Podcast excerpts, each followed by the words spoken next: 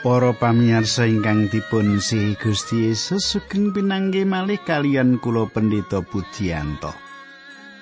Kados pundi pawartos panjenengan kadang kula menapa panjenengan sae-sae kemawon panjenengan dipun berkahi Gusti Allah. Inggih. Pandonga kula panji kados pengaten panjenengan tangsa binerkahan lan jinangkung tining Gusti Allah ingkang murbeng jagat mekaten nggih. Nah, kula ugi maturun panjenengan tang sandungaaken dhateng kula kanthi mekaten kula saben-saben saged sowan dhateng panjenengan.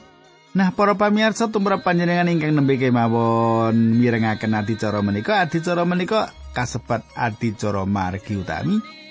Wonten ing adicara margi utami menika panjenengan kalau dherekaken sinau kayektosan-kayektosan pangandikanipun Gusti. Lan ugi nderekaken panjenengan nyemak saben kayektosan ing kitab-kitab ingkang badhe kita sinau saben-saben.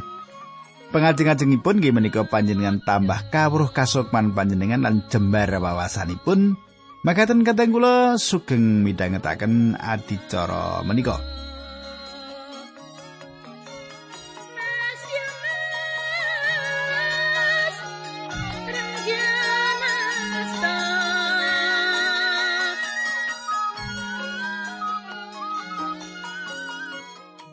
Para pamirsa, kula petik sekedhik menapa ingkang kula aturaken duk nalika pepanggihan kepengker.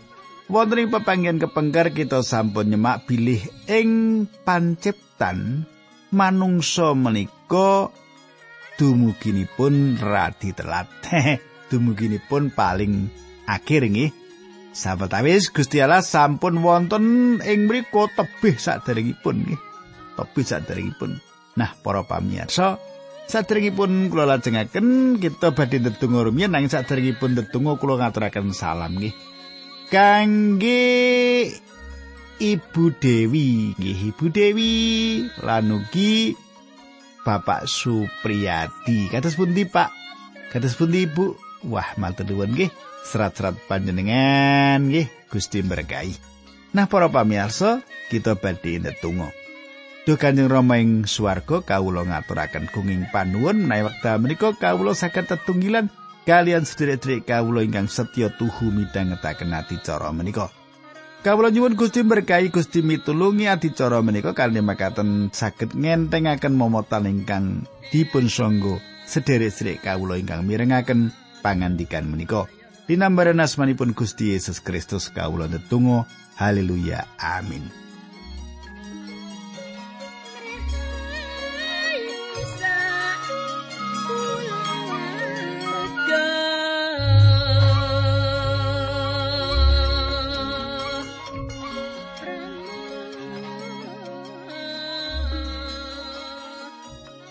Para pamirsa kalih Korinta bab sekawan ayat 6 sampun paripurna.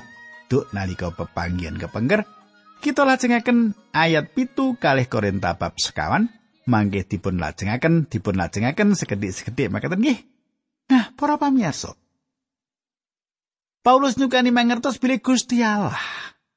Gusti Allah kang wis ngandika saka ing pepeteng bakal ana pepadang kang sumorot. Panjenengan saged semak ing salebetipun para waning dumati bab setunggal. Panjenenganipun ugi ingkang yasa padanging sumunar ing salebetipun manah kita. Supados kita nampeni pepadang saking kawruh kegayutan kamulyan Gusti Allah ingkang katingal ing wedananipun Sang Kristus. Kadang kula Sami kados Sang Roh Allah ingkang nglayang ing saknginggiling toya kados mekaten ugi Sang Roh Allah nglayang ing saknginggiling jiwa kita. Sang Roh Allah mlebet ing salebetipun gesang kita kangge yakinaken manah kita. Salajengipun Sang Roh Allah menika badhe ninggalaken kita. Lan pepadang kamulyanipun Injil Sang Kristus inggih menika citranipun Gusti Allah. Sumunaring salebetipun gesang kita.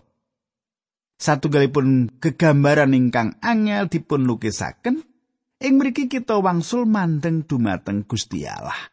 Wonten tiang sanjang ingkang ningali wilujeng ingkang mandeng kasucikaken. Liripun inggih menika kita kedah nyisihaken wekdal ningali Gusti Allah. mandeng dumateng Gusti Allah. Nanging sinaosa kita nindakaken makaten menika kita tasih kemawon dados gerabah ingkang ringkih. Cupi panjenengan semak ayat pitu. Nanging raja brono kita iki kawadan ing grabah supaya tetelowo menawa kekuatan kang ngedapi-dapi iku asale saka Gusti Allah dudu saka awakku dhewe. Kadang kula kita menika namung grabah. Inggih menika kegambaran ingkang gesang. Tembung Yunani kangge grabah inggih menika ostrakinos. Inggih menika ingkang dipun padosi ngantos para jaman samenika ahli purbakala. Ngantos jaman samenika ahli purbakala duduk siti. Sayektosipun saperangan ageng anggenipun duduk para ahli menika wonten ing kitha kina ingkang reget ing mriki grabah gilap dipun bucat. Inggih kados makaten menika kegambaran kita ing mriki grabah ingkang ringkih. Grabah gilap ingkang gampil pecah. Selajengipun dipun ngendikaken nanging raja brana kita iki. Raja brana menapa menika? Inggih menika Injil ingkang mulya. Kita beto Injil mulya menika ing salebetipun grabah kita ingkang alit lan lawas.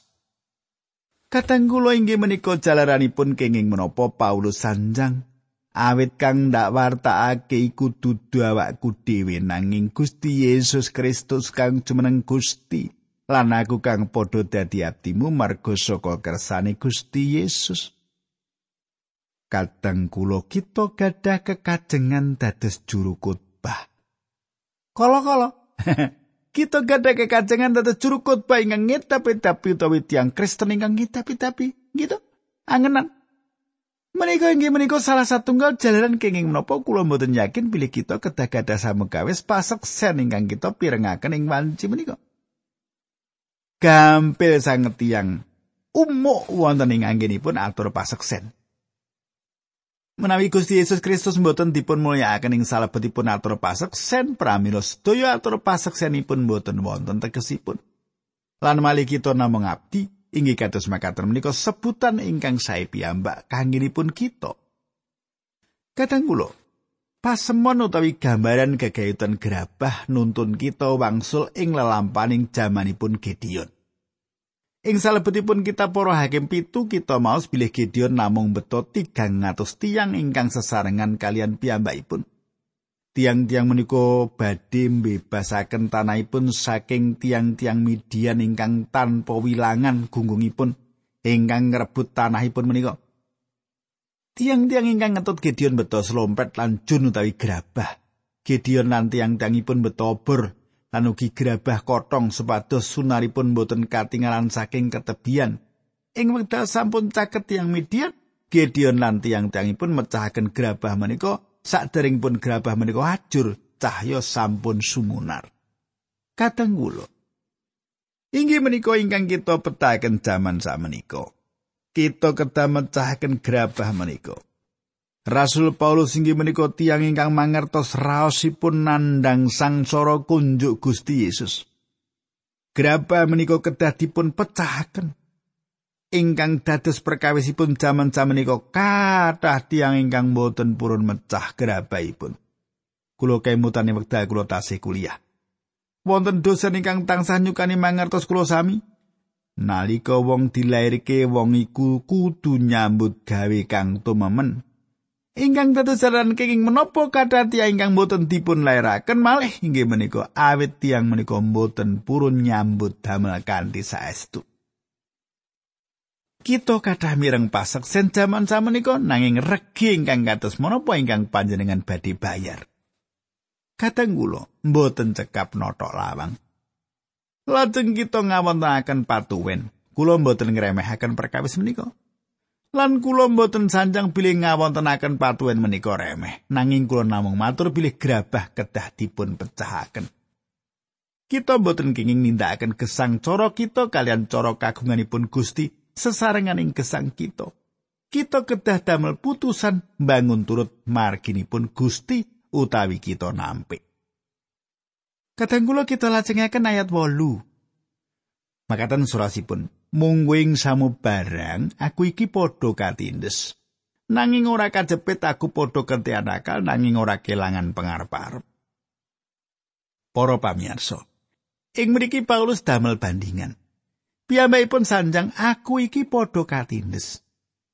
Menapa ingkang dipun sanjangaken menika satunggal tingkat bandingan nanging Paulus sanjang nanging ora kejepit. Paulus dipun tindes lan boten nampi papan ingkang sak mesinipun nanging Paulus tasih gadah papan kangge ngelaraken Injil. Ing peperangan piyambakipun sampun kapojok. Nanging tasih saged sambat dumateng Gusti Allah. Salajengipun dipun pratelaken aku padha kentean akal. Paulus mboten saged pados cara uwal nanging aku ora kelangan pangarep-arep. Paulus saged uwal roh Allah nuntun piyambakipun. Katanggula kita lajengaken ayat songo kalih Korinta bab sekawan. Makaten surasipun. Aku padha dikuyo-kuyo nanging ora ditinggal ijen. Aku padha kabanting nanging ora nemu bilahi. Kadang. Panjenengan katosaken ing mriki dipun pratelaken bilih Paulus dipun aniaya. Dipun oya-oya. Nanging ora ditinggal ijen. Piyambakipun boten dipun cepeng dening mengsah ing wekdal wonten ing pagunjaran. Paulus saged cerat dumateng pesaman ing Filipi. Filipi tunggal ayat kali lan 13 kang dak karepake poros dulur supaya kowe padha sumurup menawa apa kang tumiba marang aku iki malah wis ndadekake kemajuaning Injil satemah wis cetha tumrap saking priyayi kraton lan wong liya-liyane kabeh menawa aku dikunjara merga saka Sang Kristus. Malah ing wekdal ing salebetipun pakunjaran piyambakipun saged tansah sanjang bilih Gusti Allah menika ingkang nganti. Salajengipun kadang kula panjenengan katosaken tembung dibanting nanging ora nemu bilai. Sampun tentu menapa ingkang kelampahan menika satunggalipun perkawis ingkang ngidapi-dapi. Panjenengan bayangaken Paulus dipun kebuki, mangsa mbudidaya ngringkihaken Paulus nanging mengsahipun tetep boten saged ngejur utawi mejahi Paulus. Saya tosipun ing salebetipun tembung-tembung menika Paulus ngginakaken tembung-tembung ingkang boten saged kajarwakaken ing basa kita. Menawi kula saged meratelaken ing basa kita kados-kados makaten, aku ditibake nanging aku ora mati. Malah ing pungkasanipun gesangipun Paulus saged dancang, aku wis nyandak garis kang wekasan. Kalih Timotius kawan ayat pitu. Paulus ketingalipun kawon ing salebetipun peperangan. Katang kula, Menapa saged panjenengan ngraosaken kados menapa ringkihipun tiang ingkang alami Paulus menika? Nanging dipun pratelaken bilih ing salebetipun karingkian piyambakipun kiyat. Menawi kita saged ningali tiang Yahudi ingkang pincang, ringkih lan sakit lumawan raseksa kiyat pangwaos Rom, kita saged ringkes bilih tiang menika mboten wonten napa-napanipun. Nanging kasunyatanipun inggih menika ngringkihaken kekaisaran Rom. Malah satunggal ahli sejarah kipun meratelaken bilih kekaisaran Rom boten tahan lumawan pawartos Injil Sang Kristus. Kulo saged aturaken bilih Injil tasih terus ngebroaken dampar-dampar keprabon. Paulus ketinggalipun saestu ringkih nanging malih-malih Gusti Allah dawuh ngelaraken Injil lan ngelaraken. Panjenenganipun ngginakaken cara-cara ingkang ngira-miraken lan ugi ngginakaken cara ingkang limrah. Gusti Allah mboten nate nilaraken para abdinipun. Kadang kula ing wekdal menika panjenengan lan kula gesang ing salebetipun jaman ingkang kebak kompromi. Jaman ing pundi samukawis dipun putusaken alandesan kawicaksanan. Jaman ing pundi kita mamas tiang saking sepinten misuwuripun tiang menika utawi sepinten kathah rencangipun. Tiang dipun bobot wonten satunggalipun pendeta ingkang ngendika aku mawang wong saka akeh mungsuh-mungsuhe. Panci penting sangat tumrap kita nggolongaken mangsa ingkang leres. Gusti Yesus paling pangandikan bilih menawi kita purun tresnani panjenenganipun lan derek panjenenganipun pramila daya pengaruhipun inggih menika jagat sengit dumateng kita. Kita saged ningali ing mriki bilih Paulus gadah mangsa ingkang ageng. Kulo yakin menawi kulo ugi gadah mangsa kados makaten menika. Samenika kita lajengaken ayat sedoso. Ana ing ngendi aku tansah padha nandhang sengsarane sedane Gusti Yesus ing badanku supaya gesange Gusti Yesus uga kawedhar ana ing badanku Kadang kula emot pilih ing salebetipun serat setunggal Korinta gang sawala saya tigang setunggal Paulus meratelaken bilih piyambakipun adepan kalian bilai ing saben dintenipun. Ing Rum 8 ayat 3 Paulus nerat kaya kang wis katulisan. Margi saking paduka kawula sami wonten ing salebeting bebaya pecah sedinten muput kawula sami kaanggep kados mindo semilian. Ing salebetipun setunggal Korintus kawan ayat songo Paulus nerat sebab mungguing panemuku Gusti Allah maringi papan kang asor dewi marang aku para rasul padha karo wong kang wis kapatrapaning paukuman pati ujraku wis padha dadi tontonaning jagat para malaikat sarta manungsa. Tiang Kristen ampun adrih nandang sengsara. Kadang kula Gusti Yesus ngendika jagat badhe sengit kita menawi kita nderek panjenenganipun. Saestunggu menaken menawi kita ngentosi papanipun Gusti Yesus sing medal samenika. Panjenengan pirsani, kita sayektosipun saged dados ingkang kiat piyambak e medal kita rumaos ringkih. Kita lajengaken maos ayat 11 ngantos 13. Awit aku kang isih urip iki tangsa kaulungake marang pati mergo saka Gusti Yesus supaya gesange Gusti Yesus kawedharing badanku kang ora langgeng iki. Ya mengkono iku anggone sipati nandhakake dayane ana ing kowe. Nanging sarene aku padha kadunungan roing percaya kang padha kaya ing tulisan, aku wis kumandel mulane aku wis ngucap. Mulane aku ya percaya lan marga saka iku aku uga ngucap ayat 18 awit aku padha sumurup menawa panjenengane kang wis mungokake Gusti Yesus ya bakal nangekake aku uga bareng karo Gusti Yesus lan bebarengan karo kowe kabeh kasuwanake ngarsani Kadang kula wonten perkawis ingkang nutut manah ingkang perlu dipun gatosaken ing mriki lan menika saestu penting katiti. Dipun pratelaken pilih Paulus mboten nganggep pati menika pungkasan. Paulus ningali tebih nglangkungi pati menika. Pati namung salah setunggal pengalaman ingkang badhe dipun lampahi.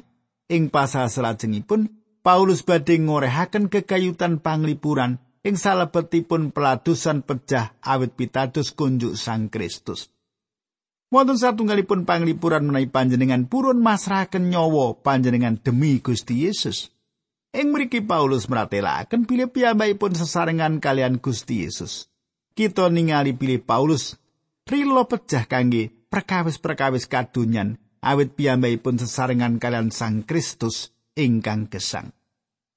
Dipun ngendikaken pilih panjenengane kang wis mungokake Gusti Yesus, ya bakal nangekake aku uga bareng karo Gusti Yesus. Menika satunggalipun perkawis ingkang ngedapi-dapi, inggih to? Samenika kula lajengaken ayat kang 11 lan 16 kali Korinta bab sekawan. Awit iku kabeh kelakoni marga saka kowe supaya sih rahmat kang sangsaya mundak gedhe marga sangsaya akeh wong kang manjing pracaya ndadekno sangsaya lubere pangucap syukur kang kunjuk ing kaluhurane Allah. Merga saka iku aku ora rumangsa semplah malah senadan to kamanungsanku kang lair sangsara rusak nanging kamanungsanku kang batin kaanyarake saben dina. Kadang kula ayat menika saestu gumunaken. Ing wekdal kita tuwuh, sayektosipun kita ugi wit pecah secara badani. Nanging minangka tiyang ingkang pitados dumateng Gusti kita tuwa ing sih rahmat lan kawruh kegayutan Sang Kristus. Kulo nembe kemawon sanjang kalian semah kulo. Aku duwe pengarep-arep bisa nggayu umur 100 taun. Nanging aku ngerti bisa wae ora nganti semono. Badan kulo ingkang menika tentu badhe pecah. Nanging kapan kemawon badan menika pecah kula sampun siap dipun salini kalian ingkang enggal. Badan menika wiwit tansah lelaranen nanging kamanungsan ingkang wonten lebet dipun inggalaken ing saben dintenipun. Kula rumaos langkung caket kalian Gusti samenika ketimbang wedal hanglebeti peladusan. Kadang kula ingkang kula tresnani. Ing wedal kula tasih nem lan kula saestu gadah semangat ingkang makantar-kantar. Nanging kula mboten mangertos kathah, maka ping kaping kula dados sandungan ing wedal semanten lan asring kula gagal. Kula saestu-estu bodho ing wedha semanten. Nanging samenika kula mangertos langkung kathah. Kula sampun sekedhik tuwuh sak dangunipun sawetawis taun menika. Ayat pitulas wolulas. Awit dini sengsaraku kang enteng saiki iki, iku ngolehake kamulyan marang aku kang luwi samubarang kabeh banget anggone ngungkuli kasangsaranku. Ayat wolulas. Margo kang ndak gatekake dudu kang katon nanging kang ora katon awet kang katon iku anane sawetara mangsa mongko kang ora katon iku langgeng Kadang kula sepindah malih kita ningali ing mriki kados dene Paulus damel bandingan.